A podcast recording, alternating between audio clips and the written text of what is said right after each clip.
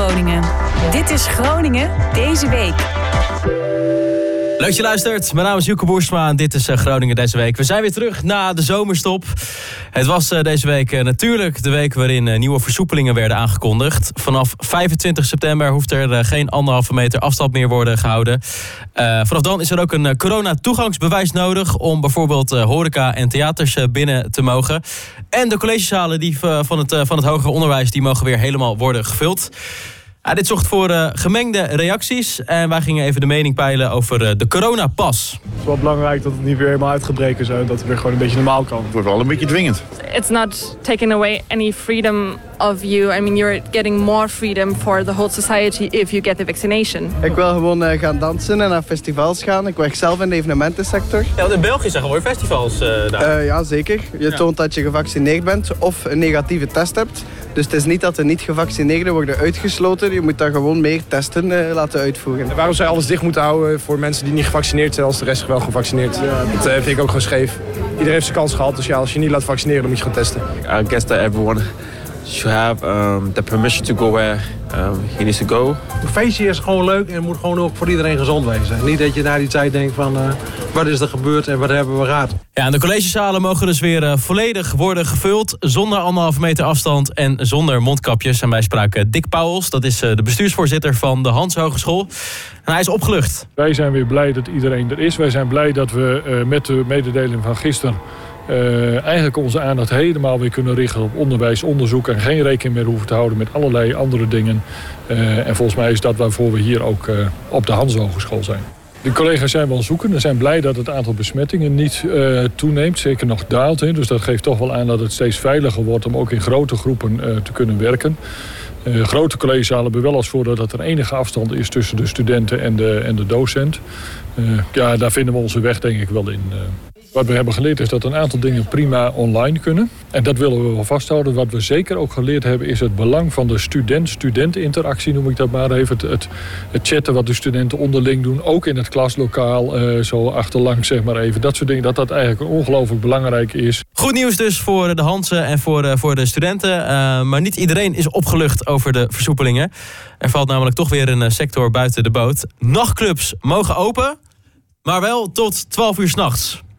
Ja. ja, het zit al in het woord, hè? Nachtclub.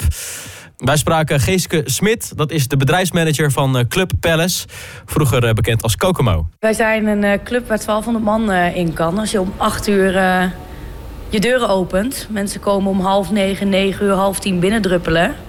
En je moet om 12 uur weer dicht. Ja, dat is, in de, dat is in de praktijk gewoon niet haalbaar. Absoluut niet, nee. Geen leuke keuze om te maken, uiteraard. Want je mag, dus het, het, het druist heel erg uh, tegen het ondernemen in, zeg maar, om het zo maar te zeggen. Alleen, uh, ja, het, het, is, we moeten ook eerlijk zijn, het is niet haalbaar. We zijn een nachtclub. En om 12 uur dicht, dan begint de nacht.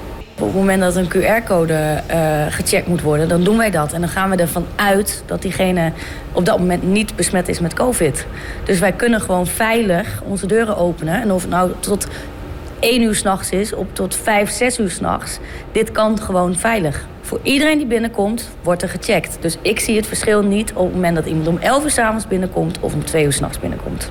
Wat de steun gaat worden, ik heb geen idee. Dat moeten we gaan, uh, gaan meemaken. Maar ik kan wel vertellen op het moment dat er geen steun is, dan gaan onze deuren open.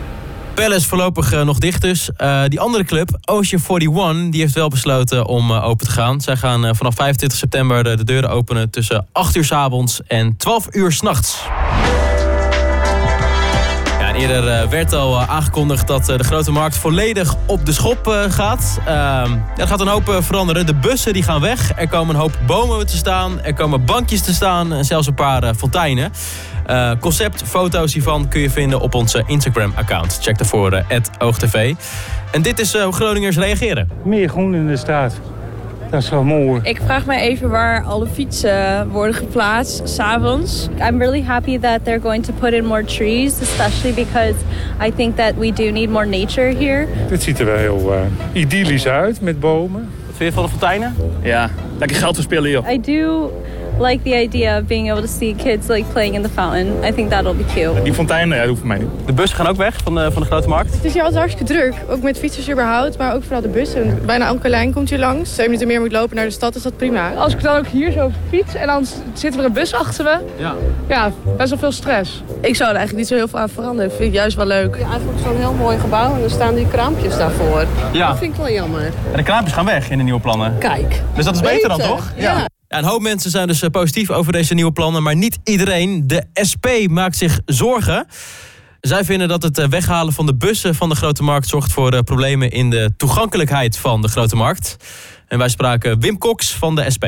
Als eh, SP-fractie maken wij ons al jarenlang zorgen over hoe het gaat met de binnenstad. We hebben de indruk dat eh, steeds meer mensen uit eh, de woonwijken om, om, de stad heen... dat die de binnenstad aan het mijden zijn. Omdat steeds meer de binnenstad het terrein wordt voor jongeren en voor toeristen. Ehm, de bereikbaarheid van die binnenstad is dus heel belangrijk om ook mensen uit de buitenwijken, uit de woonwijken, eh, toegang te verschaffen tot de binnenstad. En eh, daarom vinden wij ook dat eh, de grote markt verdwijnen van de bushaltes en die aan de vismarkt, dat dat die bereikbaarheid alleen maar moeilijker maakt. Wij vinden dat, het, dat in de binnenstad in ieder geval een vorm van goed kleinschalig openbaar vervoer eh, beschikbaar moet blijven in, eh, elekt- eh, in elektrische busjes. Via een vaste dienstregeling. alle delen van de binnenstad. En voor iedereen, niet alleen voor mensen die slechte been zijn, maar voor iedereen te gebruiken zijn. En het bleek dus dat er eigenlijk heel weinig mensen in die pendelbusjes zaten. Ja. Is het dan niet een beetje zonde van het budget? De reden, uiteindelijke reden was dat er weinig gebruik van gemaakt werd.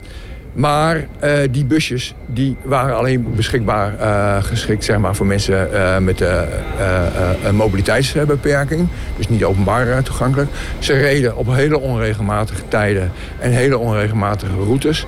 Het was één busje, een elektrobusje, wat ook regelmatig uitviel vanwege technische storingen. Eh, dus het was gewoon een krakkemikkig pilot waar je niet op kunt baseren dat, eh, eh, dat daar onvoldoende gebruik van gemaakt zou worden. En de gemeente had als oplossing bedacht dan fietstaxis of deelscooters voor de minder valide mensen. Nou, daar is de SP nog niet tevreden over. Dus wordt misschien vervolgd. En de herinrichting van de grote markt moet in eh, 2023 klaar zijn. En tot zover Groningen deze week. Abonneer op deze podcast via je podcast-app. Je kan natuurlijk eh, volgen op Spotify en een eh, recensie achterlaten via Apple Podcasts. Dankjewel voor het luisteren en eh, tot volgende week.